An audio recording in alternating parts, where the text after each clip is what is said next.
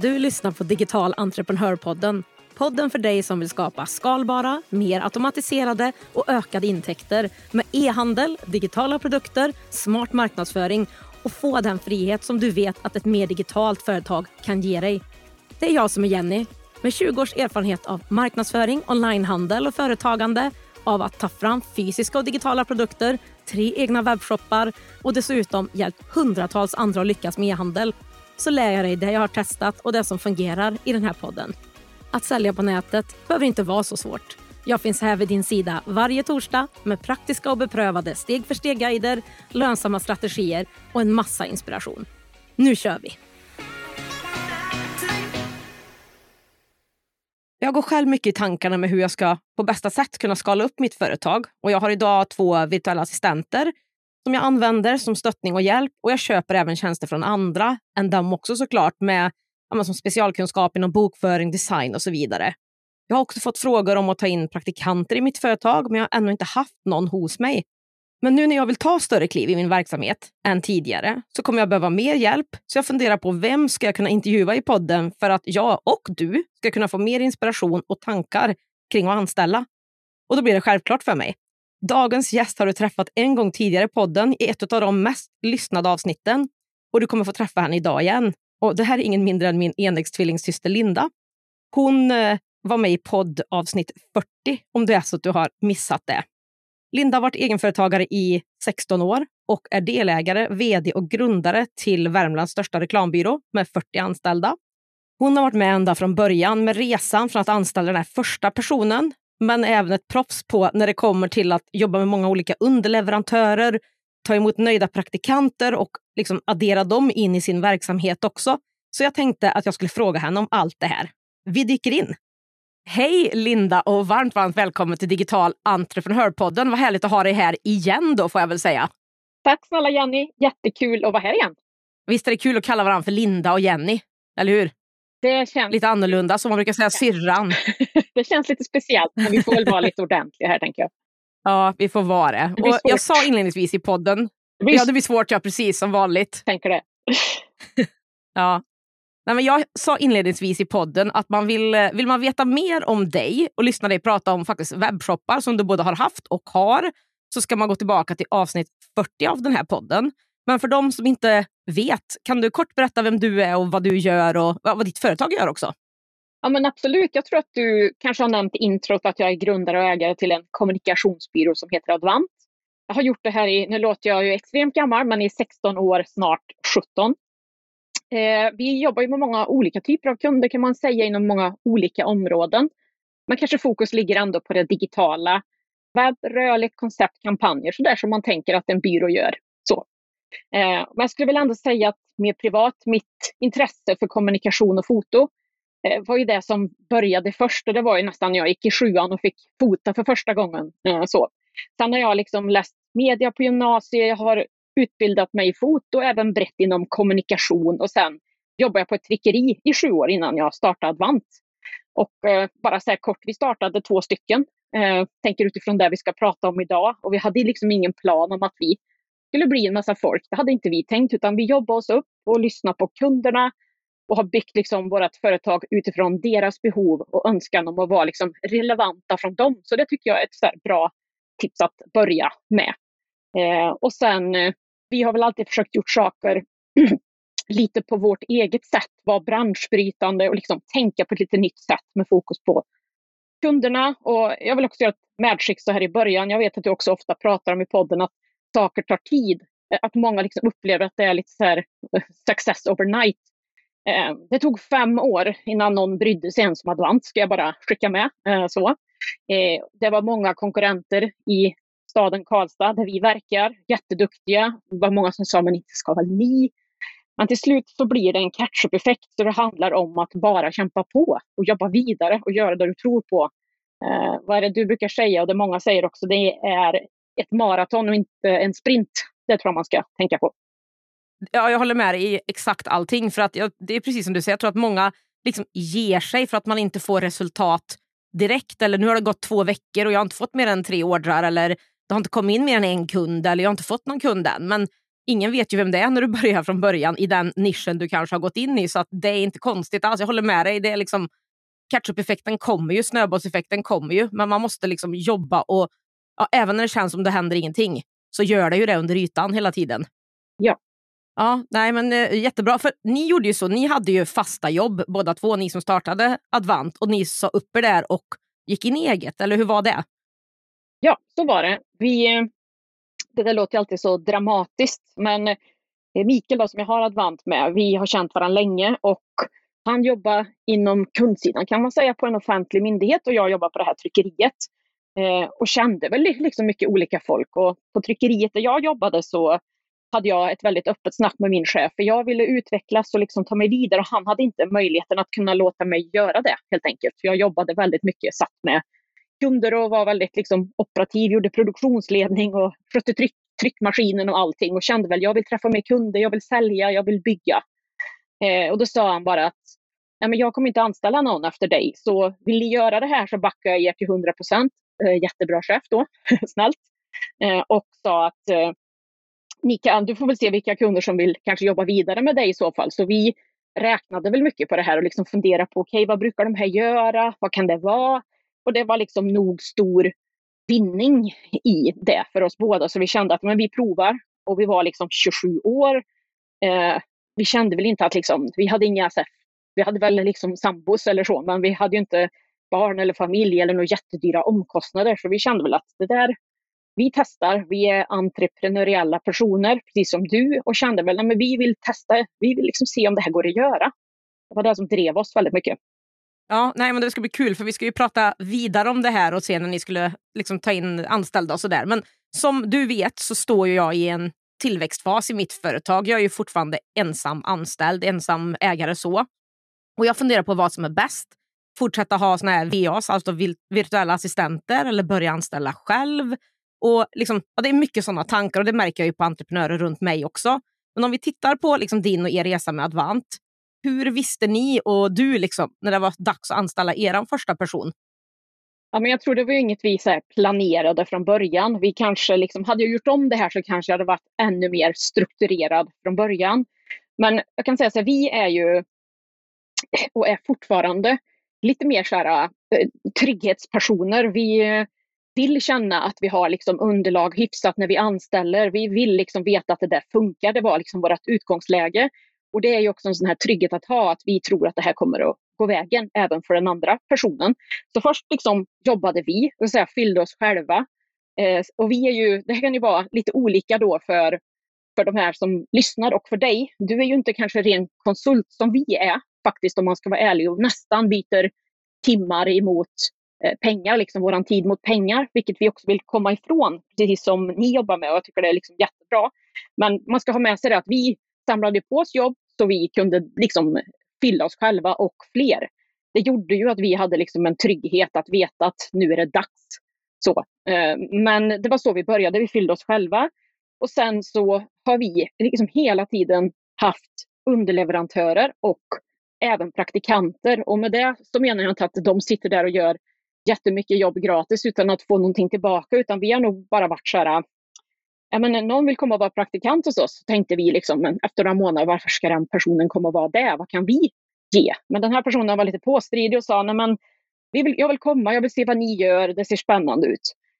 Um, och den här personen då är ju faktiskt en som vi har kvar nu sedan eh, ja, nästan, nästan starten av Advant men som började som också en praktikant.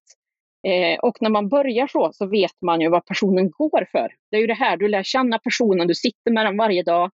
Du ser hur den är mot er och hur den presterar och så. Så du lär ju känna väldigt, liksom, eh, väldigt bra personen liksom nära på.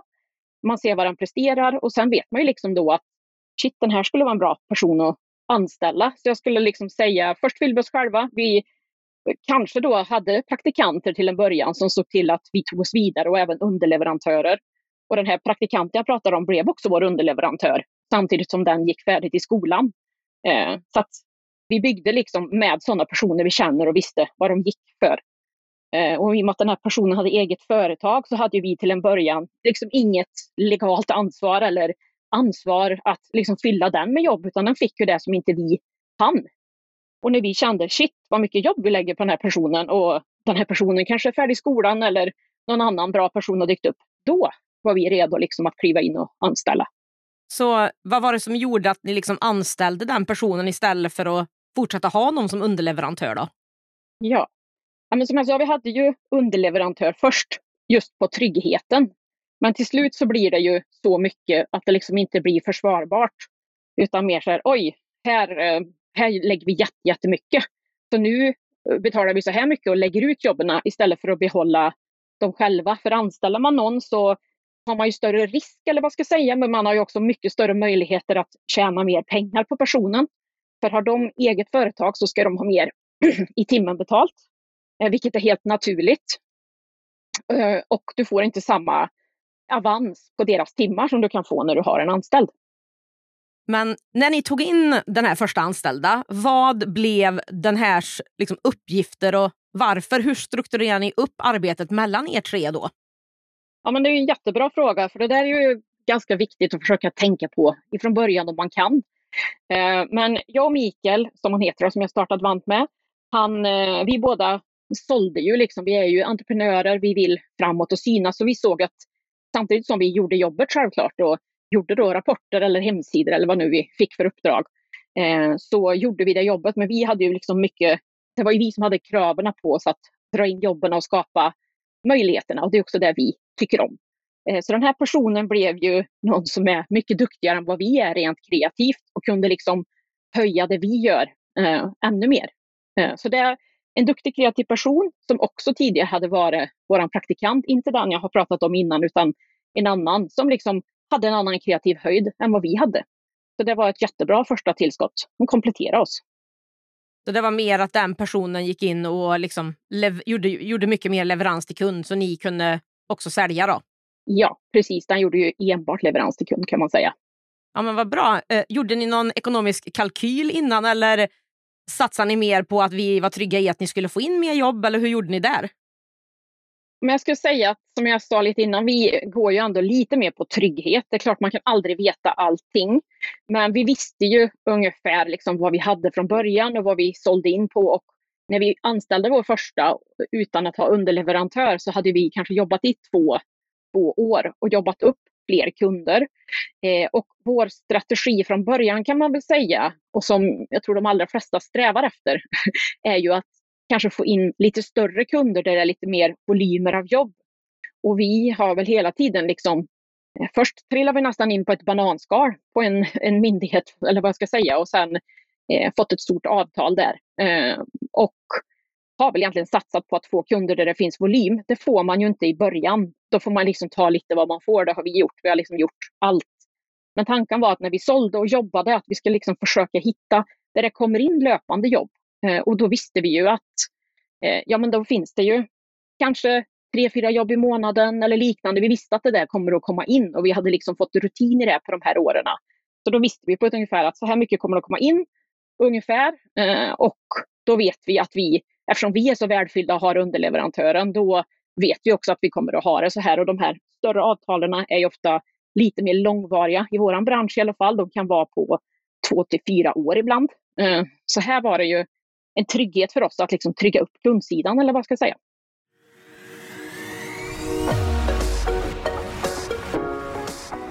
Digital entreprenörpodden görs i samarbete med Ebbecart, en av Sveriges största e-handelsplattformar. Ebbecart vill ge alla möjlighet att starta och driva en grym webbshop och är den plattform jag själv använder och rekommenderar för dig som vill starta din e-handelsresa. På ebbicart.se kan du testa, bygga och till och med börja sälja i din e-handel under 30 dagar innan det kostar en enda krona. Kom igång direkt på ebbicart.se.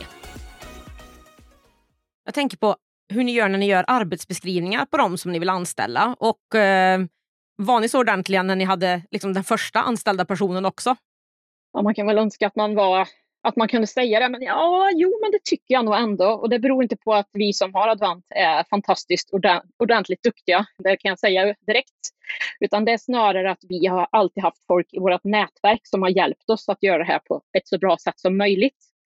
För grunden har väl alltid varit att liksom bygga ett sådant företag där jag själv skulle vilja jobba på och att liksom göra saker rätt, att vara liksom en schysst arbetsgivare eller en schysst ställe där man har praktik eller så. Så att vi har väl alltid haft personer runt oss som har hjälpt till och speciellt en person som har hjälpt oss med vår ekonomi, som också är duktig på personal och som kanske hela tiden har varit proaktiv och sagt okej, okay, nu vill jag göra det här, då måste vi göra ett sånt här papper eller så. Så att eh, det är jättebra att ha någon som kan, som kan säga okej, okay, nu är vi här, då behöver du det här. Och vi gjorde väl liksom hyfsat ordentligt. Vi hade anställningspapper, gjorde allt liksom som vi behövde och eh, lagen och så följde vi. Eh, men nu är det ju mycket mer liksom planerat. Vad ska den här personen göra i detalj? Eh, I början tog vi mer ska säga, breda personer och nu tar vi mer spetskompetens som vi vet vad vi, som vi vet vad vi vill att de ska göra. Så kan man säga. Hur tänker du kring att man ska slippa misstaget att felrekrytera, vilket man ju tror jag gör ganska många första gånger, gången man ska anställa, eller ja, hela tiden man anställer egentligen. Men hur, hur tänker du kring det? Ja, men det, eh, jag tror det är oundvikligt att man gör det ibland, trots rutiner och tankar och att man har gått igenom allt. Så man får liksom inte bli för eh, ledsen eller besviken på sig själv för det. Men jag tycker att man kan fundera på det som jag har pratat om innan. Eh, vi har ju rekryterat jättemånga och de allra, allra, allra flesta är dunderbra och helt rätt. Så att snarare liksom det vi har gjort som är våran, så säga, våran strategi som vi har haft, liksom, testa dem på något sätt först. Är det praktik? Är det som underleverantör? Lär känna dem, se till att de levererar. Så är det ju ingen nyhet när du anställer personer. Så så skulle jag verkligen ha gjort i början. Eh, faktiskt. Eh, och verkligen se, har du personer i ditt nätverk liksom, som du känner och liksom som, som du vet är bra. Det är ju de du vill ha runt dig. Eh, alla kan ju liksom lära sig saker. Eh, och från början kanske de inte har råd att liksom anställa den allra, allra, allra spetsduktigaste personen. Utan man måste också vara beredd på att den här kan lära sig, men också att den vill. Och din verksamhet kanske är ganska liksom unik också. Det är inte säkert att den här personen har på CV nästan vad du behöver. Eh, jag tänker att jag vet inte ens vem som skulle ha på CV det du behöver Jenny, rent krasst heller. Um. Så att vara liksom lite, lite öppen där uh, faktiskt. Så. Mm. Uh, annars så tänker mm. jag ja, att... Nej, men jag tycker det är jättebra tips. Ja. Uh, jag ska bara dela med mig om något mer också. Jag, jag tänker så här, så länge du liksom köper av ett företag så har du ju heller liksom ingen uppsägningstid. Så det är du ju ganska trygg om du jobbar tillsammans med någon annan. Och annars när du gör en anställning så ska man ju alltid då tillämpa en provanställning på sex månader. Och det är liksom helt naturligt, så gör man. Eh, och sen tänker jag så här att lägga tid på att få in liksom rätt person, rätt saker, eh, gå igenom delarna som vi vill att den här personen ska göra. Liksom. Det, det är det också som man behöver ha med sig in i, i rekryteringen. Och när vi, man kan ju känna från början att den här personen kan inte allt. Vi har ju en väldigt så här, när de kommer in så ser vi till att de verkligen får veta allt de behöver om Advant. De får träffa en massa olika personer och jag menar den här första personen, den satt ju liksom rygg i rygg eller sida vid sida av oss, eh, mig och Micke hela tiden. Och vi pratade och lärde känna. Och, att ge dem chansen att verkligen komma in och prestera och lära. Tro inte att de kör i 100 procent från dag ett. Kanske att de kör i 40 procent och sen 60 och sen 80 och sen 100 på fyra månader. Eh, det är ju en ganska liksom snabb utveckling ändå att vara helt självgående. Eh, så att, tänk på att det är rimligt, att det ska vara rimligt också. Ja, men det tycker jag också är jättebra tips och tankar. För jag tror att många liksom, kanske som sitter helt ensam då som jag gör så tänker man om jag bara lämnar över det där till den så löser det sig. Men ger man dem inte förutsättningarna så kommer det ju bli bara mycket, mycket sämre istället. Så verkligen eh, vänta och låta dem faktiskt också komma in. Men också jättebra att låta dem kanske vara underleverantörer om man har möjlighet till det eller praktikanter eller någonting. Det tycker jag är ett jättebra tips. Ja, och bara kolla, är de anställningsbara sen då? Om du lägger tiden på att liksom få in den på ett lite mjukare sätt då, som underleverantör eller så, vill de ha sitt företag och inte bli anställda, ja, då kanske det liksom, då får du vara medveten om det att då kanske du inte kan anställa dem. Men säger de, ja men jag kan absolut tänka mig det längre fram eller jag, jag kanske inte vill ha mitt egna företag, jag är öppen för. Ja men då vet du att det liksom, finns en möjlighet. Det tycker jag absolut är jättesmart. Mm, ja men Jättebra. Jag tänker, vart hittar ni den här första anställda? För den, eh, det var väl egentligen som du sa inte den som hade varit praktikant som sen hade eget, utan det var en annan, eller hur? Precis, det är en annan. Men den här personen som vi också anställde, den här kreativa stjärnan, var också vår praktikant faktiskt först. Eh, så vi anställde honom ganska snabbt eh, efter faktiskt han hade varit på praktik hos oss. Eh, vi, har, vi har alltid haft bra samarbete med skolor och eh, kanske primärt en skola då, som är väldigt liksom, Eh, rätt för vår typ av verksamhet. Och liksom sett till att få bra praktikanter och byggt en relation där. Eh, så att där hittade vi den personen faktiskt. Det är ju mycket nätverk och det kan ju vara för oss, liksom, det finns ju stora Facebookgrupper med bra människor man ser hela tiden som skriver och gör olika saker och har lite koll runt om också eller hör av sig till, som du säger, till rätt typ av skola eller LIA-praktikant som har den typen av personer och se om det faktiskt går att ta in en sån Absolut. i sitt företag. Så ja, men, superbra tips. Övriga tips till företagare som ska ta in sin första anställda, vad, vad skulle det vara? Ja, men jag vet inte, jag är väl också lite den här äh, trygghetspersonen och det är både för oss och för den andra personen. Ja, men att se till att liksom tänk vad du vill att de ska göra och liksom ändå på något sätt hur du ska få ihop lönen. För annars kanske det blir du som inte får någon lön. Utan försök, liksom, hur jobbigt och krångligt det kanske än är i en vardag full av brandsläckande och strategi och göra jobbet själv så kanske man kan sätta sig och bara ge sig själv en halv dag eller en dag. Ta med någon eller några man litar på och som förstår vad man gör. Och liksom fundera på hur vill jag att det här ska se ut? Och tänk också mycket på vad du vill göra och vad du inte vill göra. Vad får du kraft av? Eh, jag personligen har aldrig liksom fått kraft av att jobba med personal eller hålla på med papper. Jag får kraft av att träffa kunder och medarbetare. Så för mig har ju aldrig liksom resan, min drömresa har ju inte varit att vara en personalansvarig utan jag har alltid liksom velat jobba med kund och snarare som vd nu då, som jag har tagit klivet att blivit fullt ut. Det är ju mycket en kundfokuserad roll där vi har chefer under mig och så som sköter personalen. Så att mer fundera på vad du vill och vad du inte vill. Eh, det tycker jag är liksom viktigt att göra det här jobbet innan så att du tar rätt person. För annars så är det väldigt lätt att sitta där och tänka, gud vilken bra person det här var. Har gjort det själv kan jag säga. Eh, vilken jäkla bra person, den här vill jag ha. Och så var det inte egentligen den personens fantastiska kompetens jag behövde utan det var egentligen något annat. Så gör jag jobbet först. Ja, men jättebra. Och nu är ni som sagt ja, men runt 40 personer. Vad har du lärt dig ytterligare kring att anställa sedan den här första personen? Ja, men eh, det blir ju mycket enklare, eller vad ska jag säga, man får ju rutin på saker. Det är ju svårt i början när man gör det här första. Det är inte så konstigt, liksom, det är så världen fungerar. Men det känns som liksom viktigare med de här första. De kan ju vara med och bygga så mycket i ens företag. Och till en början så är det ju mycket knega oftast och liksom eh, tänka nytt och prova på. Och, ja, men tänker man startup-världen på något sätt så är det ju mycket testa. Man vet inte hur allt är. Det är inte så mycket rutiner färdiga kanske alltid så. Eh, utan snarare se vad är det för person som klarar det då eh, och som trivs i det. Och sen liksom gör rätt, ha koll på de här reglerna. Det blir så tråkigt eh, när du inte kanske liksom vet vad du har liksom för möjligheter heller sen ifall det inte funkar. Så att du inte har koll på det, på det med det här sex månaders provanställning där man faktiskt kan avsluta eh, anställningen om man känner att det liksom inte funkar. Eh, även för den personen som testar, så det är liksom en trygghet för er båda. Sen ska man inte, jag vill bara vara tydlig med, man ska inte gå in med tanken om att ja, jag säger upp någon efter sex månader bara för att, för att så kan man göra, utan gå alltid in med insikten att anställa eller viljan att anställa, men veta att det är en möjlighet att man faktiskt kan tänka nytt och tänka om för båda skull om det inte skulle eh, funka. Och sen tycker jag man är kanske lite för rädd. Det är ju skitkul med arbetskompisar. Det är roligt, det breddar. Det är så mycket kompetens som vi har i vårt företag nu som inte jag har och som jag är så här, ah, shit vad glad jag är att jag inte gör det här längre. Det hade ju inte ens varit i närheten av det här resultatet som de här personerna kan göra. Så det är ju en bredd, någonting. Stoltheten över att kunna liksom göra saker ännu bättre med andra som är duktiga.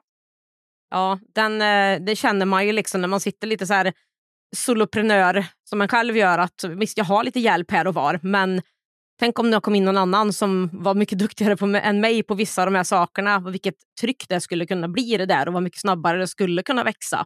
Mm. Så det är väl där som jag ja, men funderar lite just nu. Då. Men eh, ja, jätte, jättebra och mycket bra tips och tankar och så konkret och bra. Eh, om vi byter lite då från anställd till att ta in underleverantörer och kanske externa konsulter. Jag har ju idag, som jag sa, två virtuella assistenter eh, och köper även tjänster av andra som bokföring, designtjänster och sånt där ibland. Eh, ni har ju mängder av underleverantörer som ni jobbar med. Vad är dina erfarenheter och vad ska man tänka på? Och tips när man samarbetar med dem i sitt företag? Ja, men jag tänker, du är ju halvt proffs på det här också, men jag kanske kan addera lite saker. Eh, som sagt var, vi hittar ju folk i nätverk, under praktik, alltså hitta personer som du trivs med och som du faktiskt vet gör ett bra jobb. För med en underleverantör så släpper man kanske också, som jag tänker på en underleverantör, så kanske de hjälper oss att filma om våran filmare är tom, äh, inte har tid menar jag, utan liksom kommer in och åker ut och filmar det här kundjobbet som är jätteviktigt för oss. Då måste jag veta att den här är bra. Gör det den säger, funkar med oss, funkar på det sättet som Eh, vi vill med våra kunder. Ehm, så verkligen intervjua dem. Alltså ta tiden här återigen för att det ska bli lättare sen. Vi intervjuar dem, vi tittar på jobb.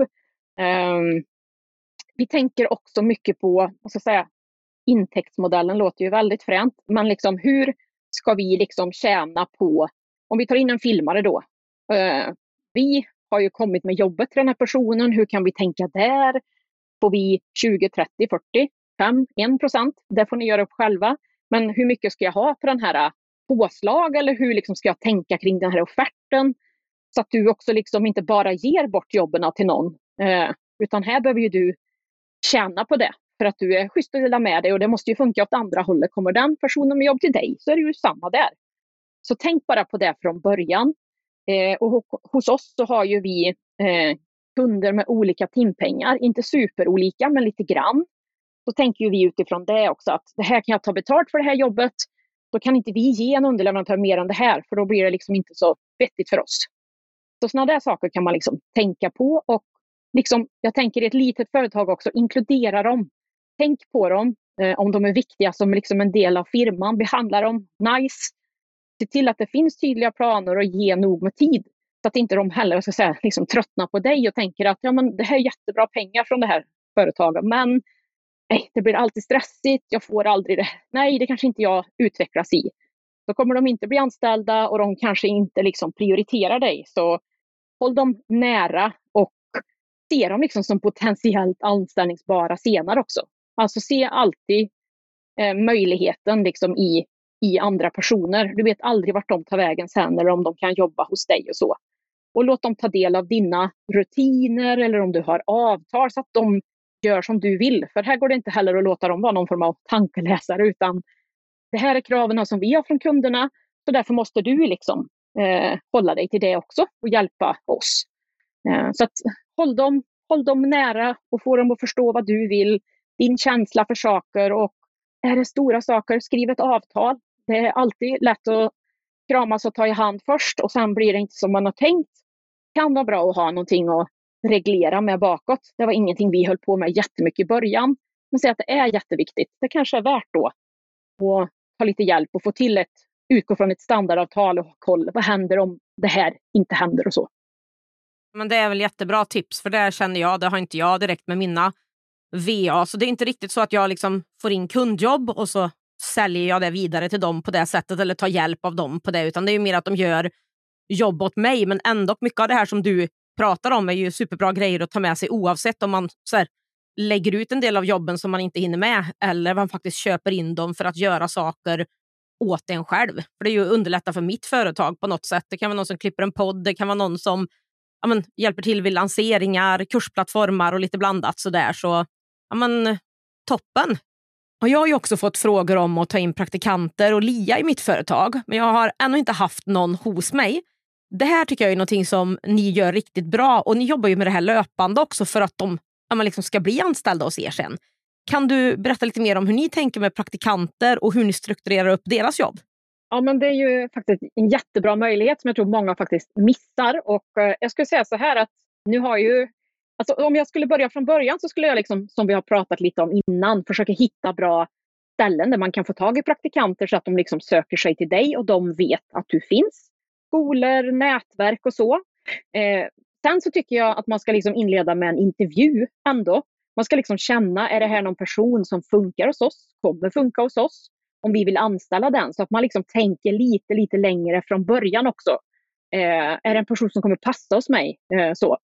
Ehm, och sen, vi väljer ofta sådana som har längre praktikperioder. För ska vi ta in någon som ska titta hur vi jobbar i två veckor, det ger inte personen så mycket och det ger inte dig så mycket heller. Vi har ju ofta sådana som kanske jobbar inom grafiska eller går i grafiska skolor och de har ju ofta två, tre, fyra månader. Så det tycker jag är en bra tumregel, liksom. se till att de har en längre praktik så ni har chansen att lära av varandra och du verkligen får provtrycka dem lite grann och se hur de funkar hos dig. Um, och det kostar ju inget att ha en praktikant förutom för tiden. Men liksom ha respekt för dem och tiden när du väl liksom tar in dem. Förbered, ha liksom meningsfulla uppgifter på, på gång och inkludera. Um, sitt med dem på fikat om man liksom sitter på samma ställe. Ta en liten digital fika annars om man jobbar digitalt. Någon några gånger i veckan eller stäng av en gång om dagen. Eh, lite vad man, hur du vill, hur du vill jobba. Men se till att de känner att de är en del av det du ska göra för då blir de också mer engagerade i ditt. Eh, så att jag tänker att gör ett upplägg från början. Se till att du vet vad de, vad de ska göra och så. och eh, vi gör också ofta så att vi, låt säga att eh, du vill att de ska göra dina social media-inlägg. Då gör vi så att vi gör låtsas-case till dem att göra från början som liksom bygger på riktiga inlägg förstås. Men då får de en chans att provtrycka och göra lite själva först och så tittar du och ger feedback så de lär sig innan de liksom går live på din, din kanal eller dina inlägg eller till dina kunder eller så. Så det har vi alltid gjort och det funkar ganska bra faktiskt för då lär de sig kanske system och sånt. Och det kan vara lite frustrerande i början när man inte får ut någonting direkt. Men du känner igen den tiden sen när de kör mer själv och du faktiskt vet att det blir ordning och reda. Ja, men det låter ju som ett jättebra tips. För att jag tror att en av de här sakerna, lite som du var inne på, det är att man behöver ta sig tid och se till att de har saker att göra. Bara häromdagen fick jag någon sån här liten fråga av någon eller i något nätverk. Liksom, men hur ska man se till att... Alltså, jag tror liksom att rädslan blir lite så här, jag har inte nog med saker för den här att göra. Och då sitter de där helt ensamma. Eh, men jag kommer ihåg att du liksom gav mig ett bra tips när det kommer till Jag vet inte om du kommer ihåg vad du sa till mig när vi pratade om det här när jag skulle ta in en praktikant. Ja, men det, det tror jag i alla fall. Det märker vi nu det, om du blir nöjd med svaret. Men jo, men jag tror det. Jag tänker du som jobbar mycket med digitala kurser och har digitala tillgångar. När de inte har att göra med dina saker så får de ju gå kursen. Eh, eller du har ju många kurser, så de kan ju lära sig mycket. Det ger ju dem väldigt, väldigt mycket. Eh, och det blir också lärande av din verksamhet. De måste ju få tid att komma in i det du gör. Och de kanske ser på materialet liksom med andra ögon än vad du gör och kan lyfta andra saker än du kan också. Eh, så låt dem titta och jobba med det. De kanske har något eget case de vill jobba med. Alltså en egen kurs eller en egen e-handel i ditt fall. Så låta dem verkligen se till att de har saker att göra som inte du måste sitta med hela tiden, för det funkar inte. Ehm, helt enkelt. Men annars är det ju liksom ha en plan för vad de ska fylla tiden med. Det kan ju vara liksom uppdatera det här på den här hemsidan som vi inte har gjort på länge. Skriv om det här, gör ett förslag på tio inlägg, gör en freebie, eh, gör saker, leta upp kunder, gör en lista eh, som kan vara till hjälp för dig. Men förbered det innan för annars blir det liksom väldigt stressigt. Eh, och har du rätt person så blir det ju bara ett par extra händer till ibland i flera månader och du har faktiskt hittat en bra person som du kan ha som underleverantör och eventuellt anställa. Ja men jätte, jättebra för jag vet att vi pratade om det här eh, och det, var ju liksom, det blev ju ingenting med den praktikanten då in i det sista där. Men det var liksom just att vi satt och tittade på att det skulle kunna vara ja, men, samarbeten, partnerskap. Alltså det var massor med saker, inte bara exakt det kanske som den här personen pluggade utan det blev liksom en lite mer helhet vilket var jätte, jättebra. Så att, eh, jag vill definitivt satsa på att få in någon mer på något sätt i mitt företag och hur det blir vet jag inte riktigt. Men eh, tack så jättemycket för alla tips som du har delat med dig av. Ja, men till sist då, eh, så skulle jag vilja fråga dig lite grann. Det är inte så länge sedan som du vann eh, i kategorin Visionary i Ed Her Awards, så stort, stort grattis till det. En del av den här motiveringen var ju att du tänker nytt, utmanar och innovativ. Och då tänker jag så här, den lilla enkla frågan, hur kan man jobba mer på att bli mer av de delarna som företagsledare tycker du? Ja, men först och främst, tack så jättemycket. Jag var jättechockad själv och det är faktiskt ett av de finare priserna jag har fått. Det känns jättebra att eh, vara sedd som visionary med tanke på vad Advant vill och att vi vill vara branschbrytande och så. Så det känns jättecoolt. Um, vad kan man göra då för att vara mer? Jag tycker man kan väl titta på dig till att börja med som testar väldigt mycket saker eh, utanför boxen, är nyfiken. Eh, det tror jag väldigt mycket. Jag tror det ligger i båda våra gener. Vi kanske får tacka föräldrarna för det, men att vara verkligen nyfikna och intresserade. ja, men, hitta nya vägar och testa. Liksom. Den, den är viktig att ha den drivkraften. Vi gillar ju båda utveckling och att utmanas. Så att har man inte det liksom från början så tar det tiden att liksom läsa runt, titta runt och liksom omge dig med andra människor som lyfter en och som kan mycket, mycket mer än en själv. Jag umgås ju med 40 andra sådana i princip på mitt jobb varje dag. Där de ser, de ser saker du inte ser utifrån vad man själv har i ryggsäcken. Så se till att inte umgås med sådana som bara har samma ryggsäck som dig utan som faktiskt kan se mycket, mycket annat. Eh, ja, det finns massor att titta på tycker jag. Och, det kan, och sen tror jag det här med innovation, det ska vara så stort. Det är inte så stort, utan det kan vara i det lilla eller det stora. Att man bara gör saker inom sin nisch på ett lite annat sätt eller på ett spännande sätt. Så gör det inte till så stort utan jobba mer strukturerat. Om man vill veta mer om Advant, vart hittar man er då? Ja, men det enklaste är väl att surfa in på advant.se helt enkelt eller söka upp oss i, på LinkedIn eller Instagram eller Facebook. Absolut. Ja, men stort, stort tack Linda för att du var med i Digital entreprenörpodden igen och för att du är mitt bästa bollplank och stöd alltid. Tack detsamma. Ja, så mycket bra och konkreta tips, tankar, påminnelser jag har tagit med mig från det här samtalet idag. Det ska bli kul att få landa i hur jag vill jobba framåt för att skala upp mitt företag snabbare. Och oftast så är det faktiskt genom att sakta ner och sätta rätt grunder som man kommer kunna skala upp och jobba snabbare framåt.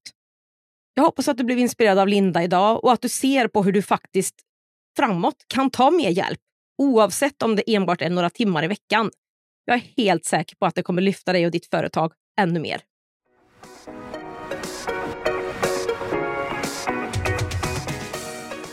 På digitalentreprenör.se podd hittar du länkarna till det vi har pratat om idag, fler poddavsnitt och kan läsa mer om poddens samarbetspartners, e-handelsplattformen Abbeycart är du redo att börja generera återkommande och skalbara intäkter online och skapa mer frihet i var och när du jobbar? Då är min beprövade onlinekurs Starta din e-handel för dig. Det är dina exakta steg för steg och allt du behöver för att starta och lansera en lönsam e-handel oavsett om du har ett företag eller inte.